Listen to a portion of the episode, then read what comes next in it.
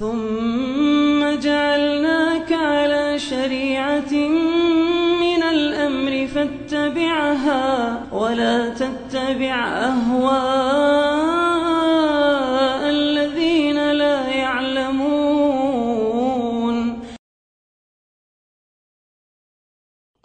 Uh, kita ketahui bersama sudah ada instruksi dari pemerintah kita untuk melakukan ibadah di rumah, kerja di rumah, belajar dari rumah.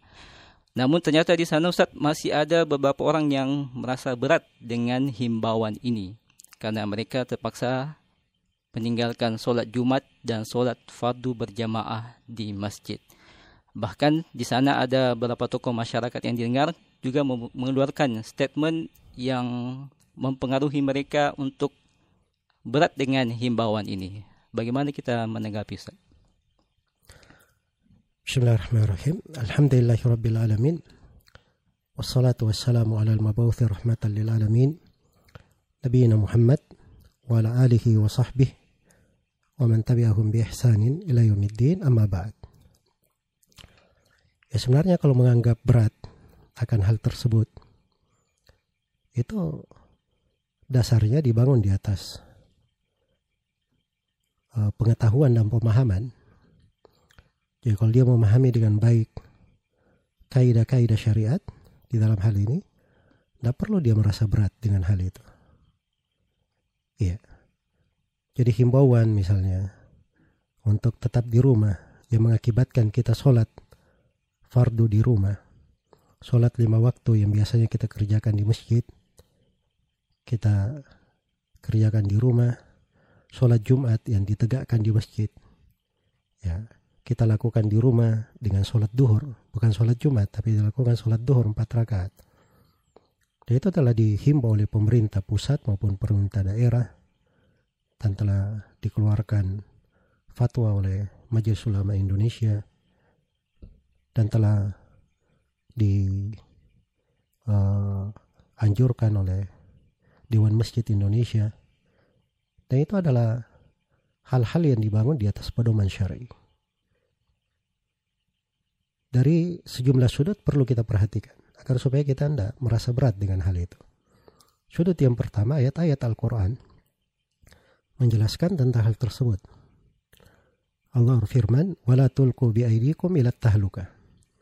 Jangan kalian melemparkan diri-diri kalian ke dalam kebinasaan. Jadi kalau dipastikan pada sesuatu atau dugaan besar itu bisa menjadi sebab tersebarnya penyakit, maka itu adalah hal yang membinasakan namanya dan kita dilarang menjatuhkan diri kita di dalam kebinasaan. Allah Subhanahu wa taala berfirman, "Wala taqtulu anfusakum innallaha kana bikum rahima." Dan jangan kalian membunuh diri-diri kalian. Sungguhnya Allah Maha merahmati kalian. Kemudian yang kedua dari sudut hadits Rasulullah Sallallahu Alaihi Wasallam. Dan ini diantar di atas beberapa bentuk. Bentuk yang pertama, Nabi Shallallahu Alaihi Wasallam melarang orang sakit berbaur dengan orang yang sehat. Kata beliau di dalam hadits riwayat Bukhari dan Muslim, la yuridu al-mumridu alal musih. Janganlah orang yang sakit itu mendatangi orang yang sehat. Ya. Dan terhadap orang yang makan bawang putih dalam hadits riwayat Bukhari dan Muslim juga Nabi Shallallahu Alaihi Wasallam larang untuk mendekati masjid. Man akala min hadhihi syajara fala yaqrabanna masjidana. Kata Nabi Shallallahu Alaihi Wasallam siapa yang makan dari pepohonan ini dari buah bawang ini dia makan maka jangan dia dekati masjid kami. Ini orang yang mengganggu manusia dengan bau mulutnya itu dilarang mendekati masjid. Ya, masa suatu penyakit yang sudah terbukti menyebabkan wafatnya banyak manusia dan sekarang tingkat di Indonesia yang ter, yang positif terkena corona semakin bertingkat setiap harinya dengan peningkatan yang signifikan sekali dan angka kematian juga sekarang sudah melampaui jumlah yang sangat besar dan sudah diperhitungkan di tingkat dunia, masa hal yang seperti ini tidak dijadikan sebagai bahan pertimbangan? Iya. Nah, saya kira ini bukan hal yang benar ya, atau cara berpikir harus diperbaiki. Kemudian yang ketiga, harus dipahami bahwa tidak sholat berjamaah di masjid, tidak melakukan sholat Jumat, itu boleh apabila ada udur. Udur karena hujan. Karena hujan. Ya, dan itu syah dari Nabi Shallallahu Alaihi Wasallam. Kalau karena hujan saja diizinkan, apalagi untuk yang lainnya. Ya, karena itu sepakat para ulama, tidak ada silam pendapat di tengah para ulama tentang kebolehan hal tersebut. Dan ini cukup kesepakatan ulama tentang hal ini. Maka alhamdulillah syariat kita ini adalah syariat yang penuh dengan rahmat, penuh dengan kebaikan. Ya. Kita berada berniat sesuatu yang baik. Kemudian niat yang baik ini tidak bisa kita lakukan karena ada udur, maka Allah beri pahala untuk kita sempurna sesuai dengan apa yang kita niatkan.